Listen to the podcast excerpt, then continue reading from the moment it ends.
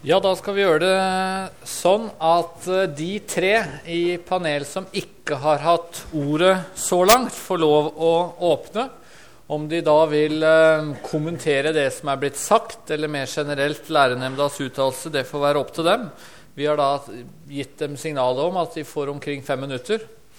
Og siden jeg har en relasjon til i hvert fall én av disse, så tar vi det alfabetisk for å være helt sikre på at ikke jeg blir beskyldt for noe som helst. Så da starter vi med Rolf Kjøde, og så Arnfinn Løyning, og så Olav Tulland til slutt. Eh, så regner jeg da med at vi bruker bortimot 1 12 time primært her framme. Og så da kanskje en drøy halvtime hvor det også da åpnes for kommentarer og spørsmål fra salen. Når vi har et såpass stort panel, så, så vil nok tida også gå fort.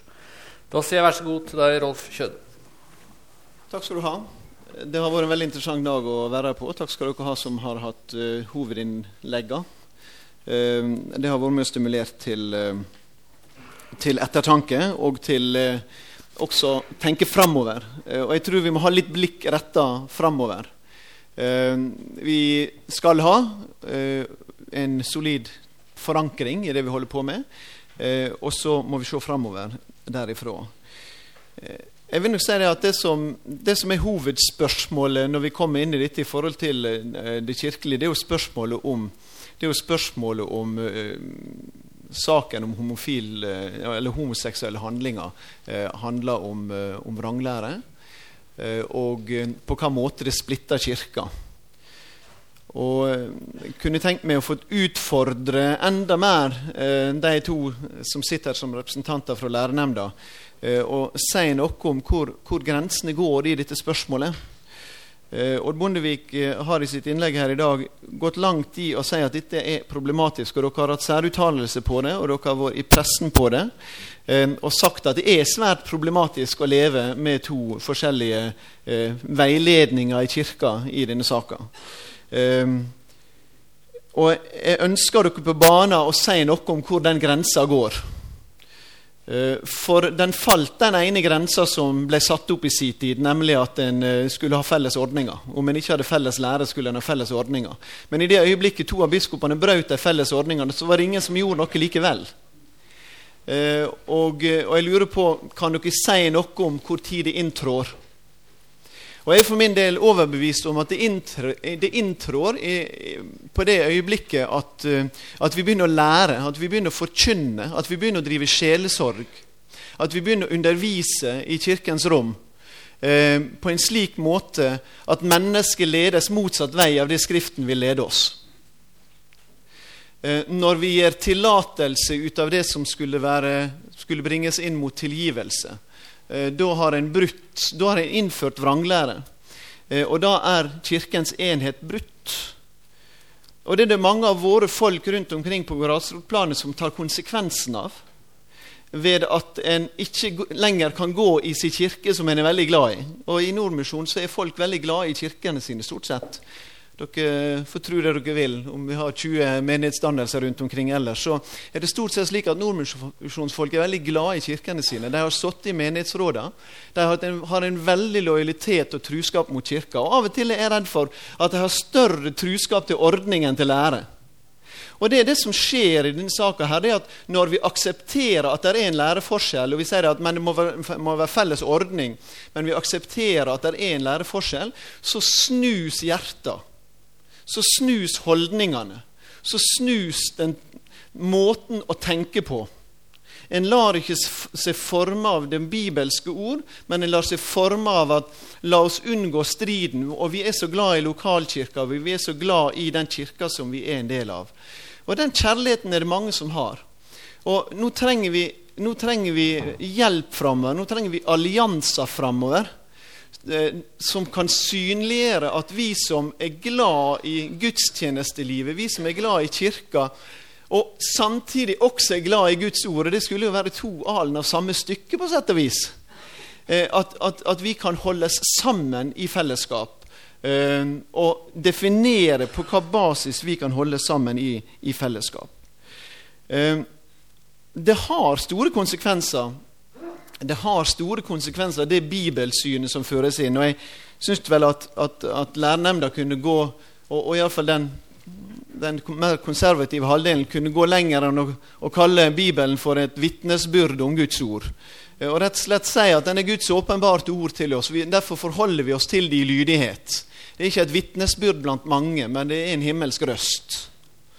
En, klart I den grad det siver inn en sånn tankegang eh, også iblant fredskonservative i kirka eh, om, at, eh, om at vi må kunne leve med ulikheter, og vi, vi setter forsiktige ord på det, er, var med å for, si at Bibelen er Guds ord, så snus også holdningene rundt omkring i det landskapet som heter bedehusland som heter Misjons-Norge, og på lang sikt så blir det mindre misjon ut av det. For en, frimod, en manglende frimodighet til Guds ord blir en manglende frimodighet til å gi Guds ord videre. Og det kan ikke jeg leve med som, som leder av en misjonsbevegelse.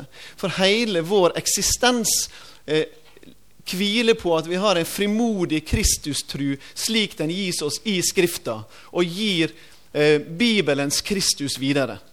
Vi har ingen annen Kristus å gi. Og Begynner en å rokke med disse tinga her, så slik som det gjøres i om flispørsmålet, så det slutt, blir det til slutt ikke mer misjon eh, eh, i den kristne kirke heller. Det fikk være mine fem minutter, så får vi komme tilbake i samtalen. Tusen takk. Da går vi videre til Frikirken og Arnfinn Løyning. Ja, jeg vil også få uttale at dette har vært en flott dag, og jeg er veldig glad for initiativet. Eh, og jeg er glad for at det er flere medarbeidere fra Frikirken her òg, selv om jo dette sånn primært sett er en sak som, og et spørsmål som behandles i en annen kirke, så angår det jo oss veldig sterkt. For når Frikirken ble danna, så var det jo en protest og et oppbrudd fra statskirkesystemet det var ikke et oppbrudd fra den lutherske kirke, så vi anser oss som en, en, del av den lutherske kirke i Norge. og Derfor angår det oss på en spesiell måte. Det som jeg syns denne, denne utredningen fra lærenemnda jeg synes den har vært til god hjelp for oss og tydeliggjort så veldig bra at her går det på skriftforståelse og skriftsyn. Og konsekvensene som trekkes, blir jo bare en konsekvens av det. Eh, Synodestyret i Frikirka eh, lagde to relativt bredt anlagte uttalelser og vedtak både i 95 og 97. Eh, og Jeg hadde bare lyst til å sitere hva synodestyret uttalte og sendte rundt til menighetene eh, om dette da i 97. Og her siterer jeg følgende.: På denne bakgrunn finner synodestyret å måtte fastholde synodestyrets vedtak fra mai 1995, som advarer mot gudstjenestefellesskap med de som forsvarer, fastholder og fremmer synspunkter som svekker Skriftens normative karakter. Dette gjelder de den gang tre mindretallsbiskopene, men må også omfatte andre i Den norske kirke som hevder de samme eller lignende synspunkter. I dagens situasjon må også prekestolfellesskap med Den norske kirkes øvrige biskoper vurderes svært nøye ut fra den legitimering dette kan gi av bispemøtets og kirkemøtets vedtak. Synodestyret vil ikke så tvil om deres gode hensikt, men mener at vedtaket de har stilt seg bak, ikke gir uttrykk for den bibelske veiledning som forventes av en kirkes tilsynsmann. De samme refleksjoner må legges til grunn for synodestøren når de skal samtale med Den norske kirke om praktiske samarbeidsforhold, bl.a. omkring gjensidig anerkjennelse av ordinasjon og ulike typer institusjonsprestetjeneste og vikartjeneste. Utarbeidelse av samarbeidsavtaler om disse og andre spørsmål vil måtte reflektere at kirketilhørighet ikke kan være eneste samarbeidskriterium. Også holdninger til spørsmål som gjenspeiler en grunnleggende holdning til skriftsynet, må trekkes med i en slik vurdering. Sitat slutt. Og jeg synes Nå møter vi dette veldig tydelig i, i lærernemndas uttalelse. Så skriftforståelse og skriftsynet blir en nøkkel for oss alle å jobbe videre med. Og i Frikirken så er vi nå i gang med et arbeid der vi vil gjøre det lettere tilgjengelig og gi praktisk hjelp for vanlige menighetslemmer til å kunne stå trygt på Guds ord og stole på Skriftens autoritet. Og gi hjelp slik at de kan For, for vi er jo motstrøms allerede. Altså vi, vi, er virkelig motstrøms, og vi trenger all den hjelp vi kan for å hjelpe hverandre til å stå fast på Guds ord. Pressen har jo gjort det kjent at eh, flere kirkeledere valgte å sende et brev til lærernemndas lærenemndas siste møte. Jeg kan godt si at vi burde ha agert tidligere. Det var nå vi gjorde det. Og Vi valgte, som dere har sett av avisene, at dette skulle gå til lærernemnda, og ikke som en sideagenda hvor vi egentlig ønska å si noe offentlig og liksom skape en ytterligere debatt. Vi vil ha respekt for det arbeidet som skjedde i lærernemnda, og dette var vi enige om. Men som Asse Dingstad allerede har nevnt, så var det for å understreke at dette er et spørsmål som Den kristne kirke står sammen om. Det er en læremessig enhet i Den kristne kirke. Og jeg syns det er veldig tankevekkende at det er i den delen av verden hvor sekulariseringen er størst, hvor det ser ut til å være minst åndskraft, at vi er mest frimodige til å våge å gjøre endringer på den samme apostoliske tro. Så jeg syns det påhviler Den norske kirke et veldig stort økumenisk ansvar nå i tida fremover på dette å bevare den enhet vi har sammen i dette lærespørsmål. Så et lite innspill. fra vår, Vi har jo hatt våre prosesser som dere kjenner til, hvor vi har jobba med et spørsmål som har vært vanskelig hos oss. Hos oss er det da i det minste ordninger der det må være en læremessig konsensus i Kirka for å kunne gi endringer i et standpunkt og et syn vi har hatt. Og Jeg syns det er skremmende hvis det er slik da i Den norske kirke at de skal kun ha 50% flertall eventuelt i kirkemøtet for å endre på basis av det nå lærernemnda har sagt om dette spørsmålet. Det syns jo jeg er veldig veldig skremmende.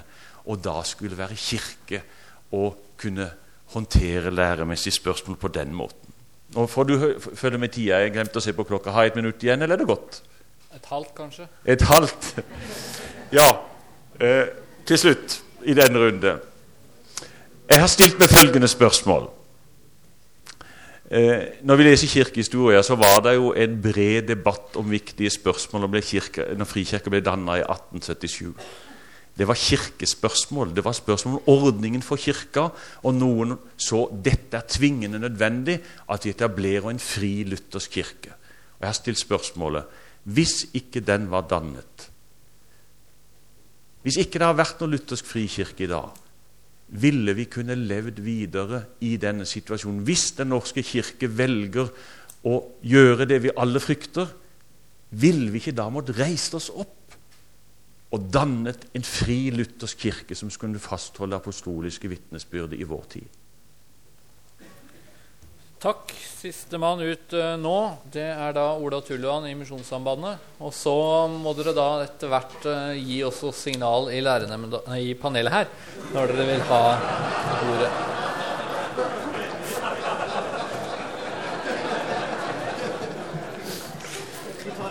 Den ble positivt tatt imot. Det setter jeg pris på. Ola vær så god. Der eh, jeg har levd en stor del av mitt liv, der har vi et uttrykk gummitid.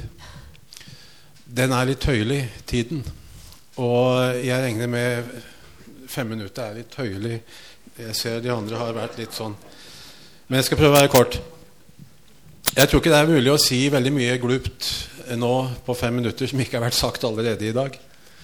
Det er den sida. Men jeg tror jeg vil få lov til å si det som jeg hadde på hjertet før eh, vi startet klokka ti i dag.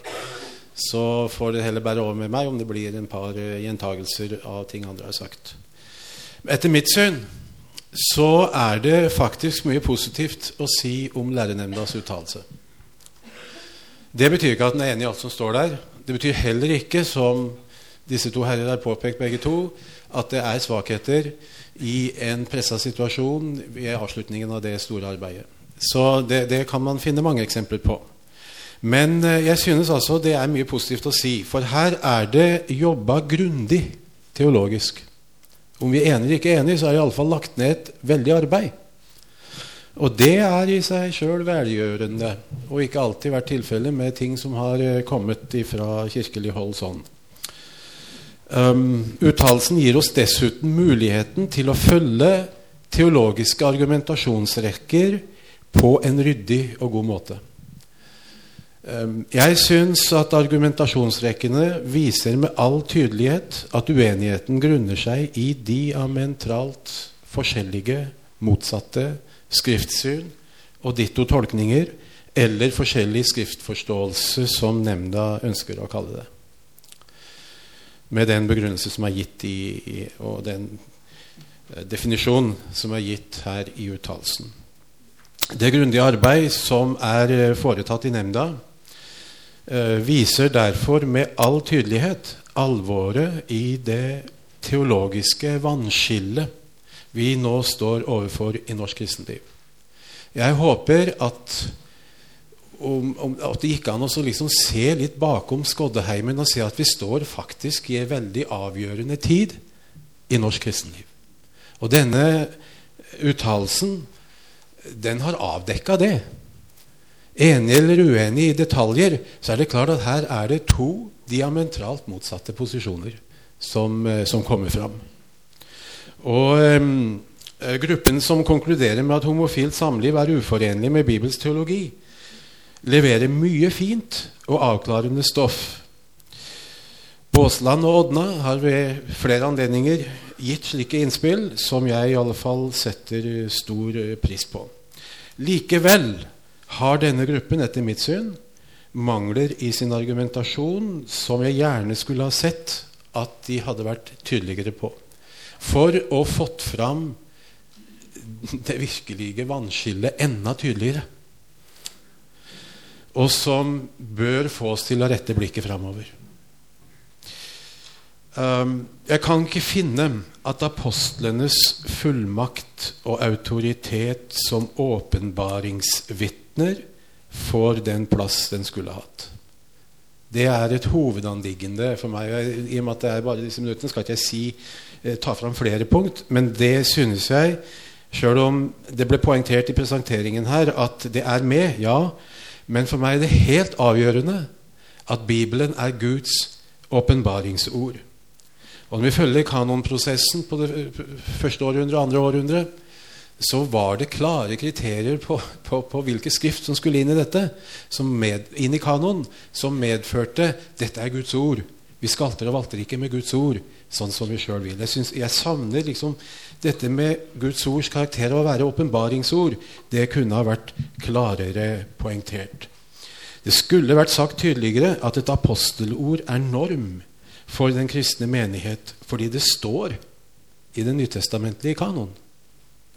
Derfor, når apostelordet sier 'den som lever slik, ikke skal arve Guds rike', så uttrykker det et alvor i åpenbaringsordet som ikke kommer fram i uttalelsen.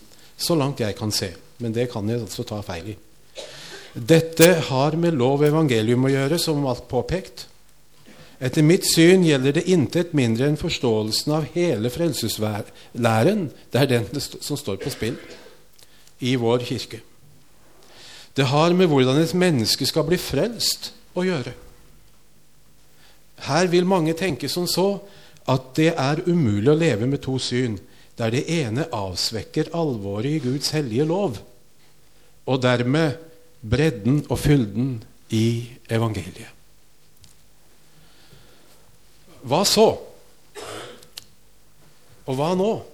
Gummitida di begynner å renne ut. Ja, da kan jeg ta det seinere, ser du. Flott.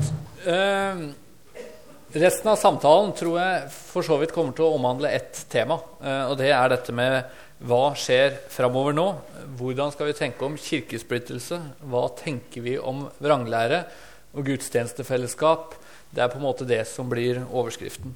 Eh, nå er Austad bedt om ordet, og deretter Dingstad. Og så styrer vi det på den måten. Vær så god. For det første vil jeg si til uh, Rolf Kjøde at det er et, uh, en unøyaktig gjengivelse av vårt syn når han hevder at det er problematisk å leve med to syn. Vi sier uttrykkelig at det er to uforenlige syn, og det må man ha for øye. Dernest, når vi taler om eh, vitnesbyrd om Guds åpenbaring, så står det flere steder troverdig vitnesbyrd eller sant vitnesbyrd. Derfor er det spørsmål hvordan det kvalifiseres. Det er det avgjørende. Og jeg vil nettopp si at når vi legger så stor vekt på at vi ikke kan fravike Bibelens ord, så er det nettopp uttrykk for at vi anser at det som et troverdig åpenbaringsvitnesbyrd. At eh, apostlenes fullmakt og autoritet skulle mangle, det kan nok være at det kunne ha vært utdypet mer.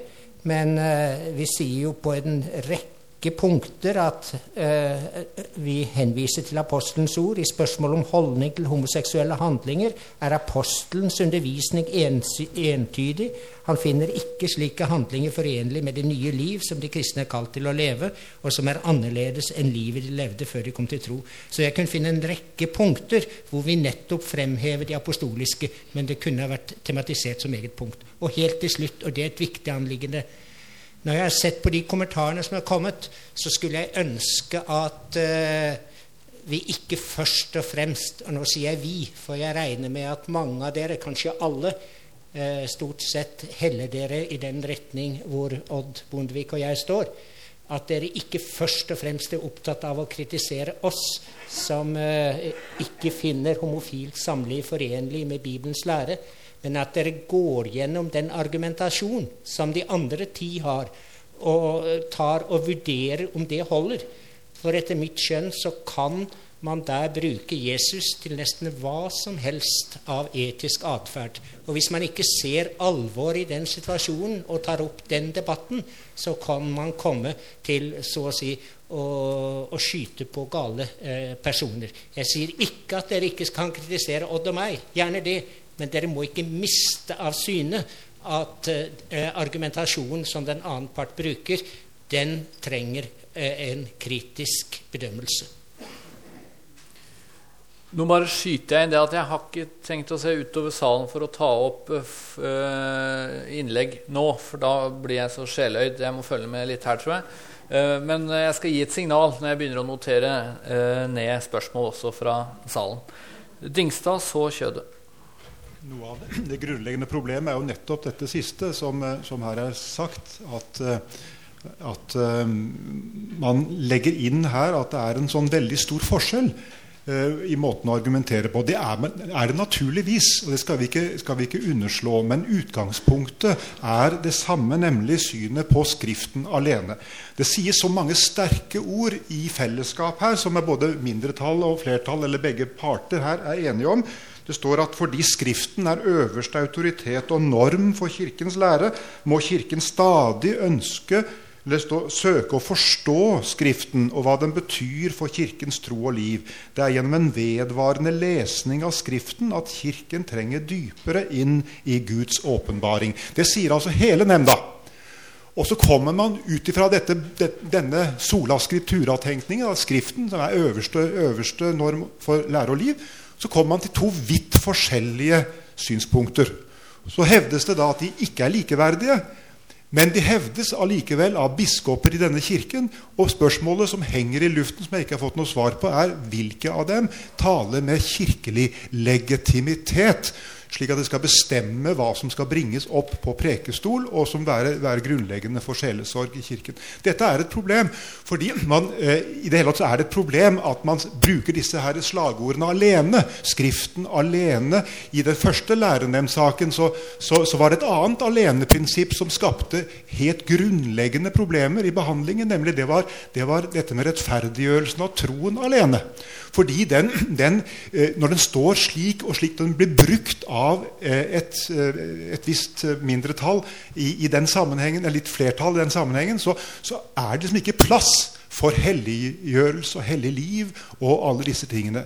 Så er, Utfordringen må jo være fremover hvordan kan vi bygge en kirke omkring disse aleneprinsippene, hvor det er det ene alene, og det er Skriften alene. Jeg spør altså etter finnes det ikke en lære som denne kirken er forpliktet på å videreføre fra generasjon til generasjon, som ikke er avhengig av vilkårlig eller enhver generasjons tolkning av Skriften. Og Da må man jo spørre hvordan har Skriften blitt forstått og tolket tidligere? Og det mangler i denne, i denne veldig mye, i hvert fall i argumentasjon. For mye mer enn å lytte til samtiden og mye mer enn å lytte til hverandre rundt bordet måtte være å lytte til de som har lest Skriften før oss. De som bærer den apostoliske lære og tradisjon videre i Kirken. Og Det er denne samhøringen med tidligere generasjoner som jeg mener er helt avgjørende for å kunne fastholde en, en tydelighet, uh, tydelighet, på dette. La meg også bare nå legge til at dette brevet som ble sendt, som også Løyning nå kommenterer uh, jeg er glad fordi at vi kan snakke om det, fordi det var ikke meningen at det skulle være hemmelig. Det, meningen med det var at ikke det skulle skape en sånn bidebatt i avisene før lærernemnda hadde lagt fram sine ting. Eh, nå har lærernemnda gjort det, og jeg skulle ønske at det brevet ble, ble, synlig og ble lesbart for alle dere, og også alle som er interessert i dette spørsmålet. For det lå ingen føring i at dette skulle være hemmelig liksom, også etter at lærernemnda var ferdig. Det er underskrevet av alle kirkene, alle frikirkene i dette land, fra de ortodokse, katolske, det er baptister, misjonsforbundsfolk, pinsevenner frikirkefolk, delk osv. Så, videre. så det er en veldig sterkt vitnesbyrd om en felles apostolisk tradisjon. Takk. Rolf Kjøde. Ja, altså det Eh, jeg er enig med deg. Med, det er veldig sterke, gode ord i denne innstillinga som er mye bedre enn det som lekkasjene ga, ga eh, tanker om kom til å være der. Blant annet det at du sier at det er to uforenlige syn. Problemet er naturligvis at en lever videre sammen forent. Um, og da kan ikke uforenligheten være alvorlig nok, uh, slik som jeg da må forstå nemnda. Eh, og det er vel der noen av oss vurderer dette annerledes, fordi at det handler om det dere i liten grad skriver om. Eh, det handler bl.a. om å arve Guds rike. Eh, og, og, da er det vanskelig å leve med to uforenlige veiledninger samtidig i samme kirke. Så så tenker jeg framover. Ja, jeg ønsker, jeg ønsker, nå å få være med og bygge allianser framover. Blant de grupperingene som er her, det kan være grupperinger som ikke er her. Det kan være store deler av, av presteskapet i Den norske kirke som egentlig ønsker å få være med i en samtale videre. Hvordan kan vi, hvordan kan vi frimodiggjøres i vår tjeneste? Eh, og jeg tror Nordmisjonen med sin plassering vil iallfall kunne være med å, å, ta initiativet til at vi nå fører noen samtaler i ro og mak framover og spørre hvordan ser vi veien videre i kirkebildet. Og Da tenker jeg Øystein, at den, den, delen som du representerer av lærernemnda, eh, det er ti stykker som jeg når jeg leser det dere skriver, tenker at ja, dette mennesket ønsker å stå sammen med. Dette er en teologisk tenking som jeg ønsker å dra sammen med. Jeg kommer ikke til å kaste vekk tida mi på å holde på å, holde på å konfrontere en del av her, den liberale delen av kirka. Eh, fordi at jeg tror at liberal teologi sin konsekvens er ikke-kristen teologi.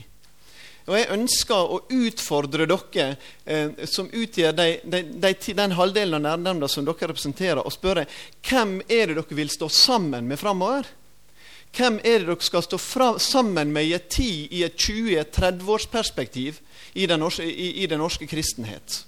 Hvem er det som skal finne sammen? Og jeg mener Vi som er samla her i dag, og andre grupperinger, må finne sammen. Vi må markere enhet, lete etter enhet, jobbe for enhet. Og Jeg vet at jeg ser annerledes på embetet enn en del av dere som er her, men jeg skal strekke meg langt i å kunne snakke med mennesker som har et langt høyere embetssyn enn meg, hvis vi kan stå sammen i eh, å frimodiggjøre hverandre og i, også hjelpe hverandre. Jeg er veldig glad for biskop Bondevik sitt signal her om at vel, det er ikke sikkert det er uten videre glede over en masse alternative eh, dannelser, men det er tross alt bedre at folk er med og danner noe alternativt, enn at en passiviseres.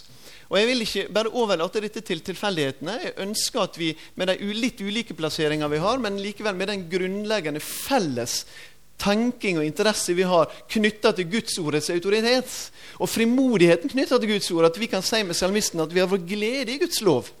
Det er ikke det en eh, husmannsånd vi står med hua i handa og sier 'beklager, men dette Guds ord må vi faktisk holde fast ved'. Det er litt leit.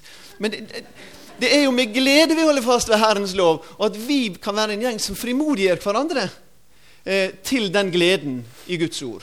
Eh, og Da har ikke Nordmisjonen noe behov for å spille alene. altså. Det har jeg bare lyst til å signalisere. Fint. Da har jeg løgning, og så Alsvåg og Tulluan. Og etter det så skal jeg prøve å, å ta fram noen av de spørsmålene som, eh, som har vært framme, og som uh, litt mer konkret. Nå løgning. Ja, jeg vil jo bare følge opp Rolf Kjøde litt i, i, i det han sier nå, og, og, og, bare understreke at i den prosessen fremover så, så er Den evangelisk-lutherske frikirke en naturlig aktør. Eh, altså, Frikirken har vært en, en, en, en, profetisk røst inn i den lutherske kirkevirkelighet i Norge. Og vi ønsker å være med i å bygge den lutherske kirke i Norge. Og jeg syns den situasjonen vi er i nå, tilsier at vi trenger å stå sammen. Det er ikke sikkert vi skal se for oss eh, Det er ikke bare positive det kan vi kanskje Rolf få se, det er ikke bare positive bieffekter av å slå organisasjoner sammen, og det er en veldig jobb. Eh, så det er ikke sikkert vi skal strebe strebe på å, å, å, gjøre nye, store enheter. Jeg tror faktisk tida fremover vil vise at det er på, mer på nettverksplan at vi vil bygge allianser fremover. Eh, og, og, der ønsker vi å være med og ikke stå på sidelinja. Og til de som har et veldig eh, stort syn på embetet, så kan jeg jo bare si at eh, faktisk så Vi skryter ikke av det, annet enn de stedene hvor det kan være pass å gjøre det. Men altså, vi, vi, har jo faktisk apostolisk suksesjon i Frikirken. Men eh, det er ikke alle som syns det er så viktig. Men det kan også være et bidrag inn i dette. Knut Alsvåg. Ja, jeg ber om ordet selv om jeg er ordinert uten apostolisk suksesjon, tror jeg. Vi fikk han fra Sverige. Ja. Eh, det er klart at vi, eh, at vi opplever et, et, stort press knyttet til denne saken nå. Eh, det henger jo sammen med viktige kulturelle utviklingstrekk som det går an å si mye om, og det skal vi ikke si nå tror jeg. Det er ikke det som står på dagsordenen i dag. Eh, det, men det, det, er jo et interessant memento eh, til det at vi vet ikke hvor lenge denne saken vil stå på dagsordenen. Altså, eh, eh, hvis vi ser bakover i et historisk perspektiv, så ser vi at enkelte press i retning av avvikende læreoppfatninger har gått nokså fort ut på dato, mens andre er blitt stående som, som mer, mer, stående utfordringer. Det er ikke så lett å si i dag hvor denne saken vil stå om en generasjon. Det som er viktig, tror jeg, er at vi eh, forsøker å eh, tenke gjennom hvordan vi i størst mulig grad kan komme samlet gjennom en størst mulig eh, intakt apostolisk kristendom innen Den norske kirke gjennom den eh, fase som vi opplever nå. Eh, jeg tror det er en viktig målsetting, eh, bl.a. fordi at vi har veldig mye verdifullt i Den norske kirke som eh, det i eh, ingen egentlig tror jeg ønsker uten videre å bryte med slik situasjonen er i Norge i dag, uansett hvor mange og gode frikirker vi har, så, vil, så er eh, den kristne kirkes i hvert fall på kort sikt, framtid i Norge langt på vei avhengig av det som skjer i Den norske kirke. Eh, da gjelder det å finne former for å håndtere Eh, spenningene og motsetningene. Og eh, det positive lærernemndas uttalelse er ikke minst at den har eh, bidratt til å klargjøre hvor de er, og hvor store de er. Da, der syns jeg den har gjort et reelt godt eh, bidrag. Eh, men det er viktig, tror jeg, at vi eh, nå sammen tenker gjennom eh, hvordan det som her sies om uforenlige syn, kan omsettes i praksis. Eh, jeg tror Dingstad har, har pekt på et helt reelt problem når han sier det at ord som brukes eh, om igjen uten at de får konkrete konsekvenser, de blir etter hvert slitt ut og betyr ikke noe. Det som vil skje, tror jeg, er at hvis denne saken får drive uten konkrete konsekvenser i form av eh, alternative ordninger for tilsyn, mulighet for kommunionsbrudd osv., er at eh, deler av Kirken vil passiviseres i forhold til problemet, og andre deler vil bryte ut. Eh, jeg tror at en må gå veien videre i retning av konkretisering for å få dette til. Og på mange måter så ligger nok der det viktigste og første utspillet, tror jeg, hos de fem biskopene som i lærernemnda har sagt at det er eh, uforenlige syn. Eh, innebærer det f.eks. at eh, de biskoper som har sagt dette, og nå sitter jo en av de nokså nær, da, så jeg trenger ikke jeg trenger ikke rope så høyt for å bli hørt, eh, vil eh, støtte menigheter og prester som på det grunnlag tar konkrete skritt i forhold til kommunionsbrudd og tilsynsfrasigelse med biskoper som står på et annet syn, eh, innebærer det konsekvenser for, eh, for disse biskopenes embetsføring i den forstand at de vil eh, vurdere sin deltakelse ved eh, vigsling av biskoper som står for et annet syn. Eh, vurdere sin eh, bispemøtets eh, gudstjenestefellesskap, f.eks. Eh, altså eh, jeg ikke jeg, jeg, ber ikke nå om at du skal love konkrete tiltak på dette punktet i neste uke.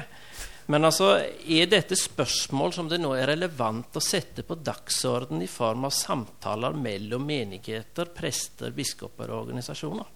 Altså, eller er dette like fastlåst fremdeles som det f.eks. er i utredningen om alternativ tilsyn fra 2000? Da har Bondevik eh, fått en utfordring, men jeg slipper Tuland til først, tror jeg. For da kan du gå rett videre etterpå. Jeg skal mm, ikke være med på å skyte på dere. Det skal vi være trygge på.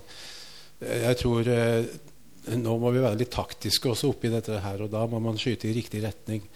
Men jeg vil allikevel eh, utfordre på noe som jeg tror mange, i alle fall av mitt folk, spør seg om i den situasjonen som Eh, kanskje er noe forvirrende etter, eh, etter offentliggjøringen av uttalelsen. Og det er jo det at um, det går på dette med, med, med, kirkesplittelse, og det er vel bare Gunhild Hagesæter som har tatt en dissens sånn i, i, i lærenemndas uttalelse på det. Og um, jeg er glad for at dere to som sitter her, med tiltredelse av andre i denne gruppen, dere har i en særuttalelse på slutten der slått fast at etter eh, deres skriftsforståelse er det ikke teologisk grunnlag for å anerkjenne homofilt samliv. Og det kan heller ikke være med på å støtte tanken om å bruke samlevende homofile vigslede stillinger eller innføre liturgier for, um, for um, ekteskap, inngåelse og velsignelse av partnerskap. Det er jo noe vi her, tror jeg, vil støtte alle og enhver. Så så det er det ene. I etterkant av pressekonferansen så har flere uttalt, bl.a. biskop Hagesæter til avisen Dagen, at Kirken ikke kan leve med to syn. Det er sitat. Ta det forbeholdet. Noen av hver av oss vet hva det vil si å bli feilsitert i avisa, men, eh, men, det sto nå i alle fall. Og um, um, mange av oss, her kommer vi til poenget, mange av oss er spente på hvordan dette skal tolkes i praksis. Hvordan den, for å korte ned på uttrykkene her, den konservative del av lærenemnda tenker seg dette tolket i praksis. At På en side så er det ikke kirkesplittende, men på en annen side så er det umulig å leve med to syn. Hvordan, hvordan har dere tenkt å komme ut av det? Det er eh, et spørsmål som vi har. Og det andre, det er kort, herr ordstyrer um, Misjonsorganisasjonen NLM har ikke noe formelt medlemskap i Den norske kirke. Men vi som hører hjemme i den organisasjonen, har det. De aller fleste av oss. Vi har heller ingen samarbeidsavtaler med Den norske kirke. Vi har ingen avtaler om noe biskopelig tilsyn noen plass. Det er vår situasjon, så slik sett er den litt lykkelig.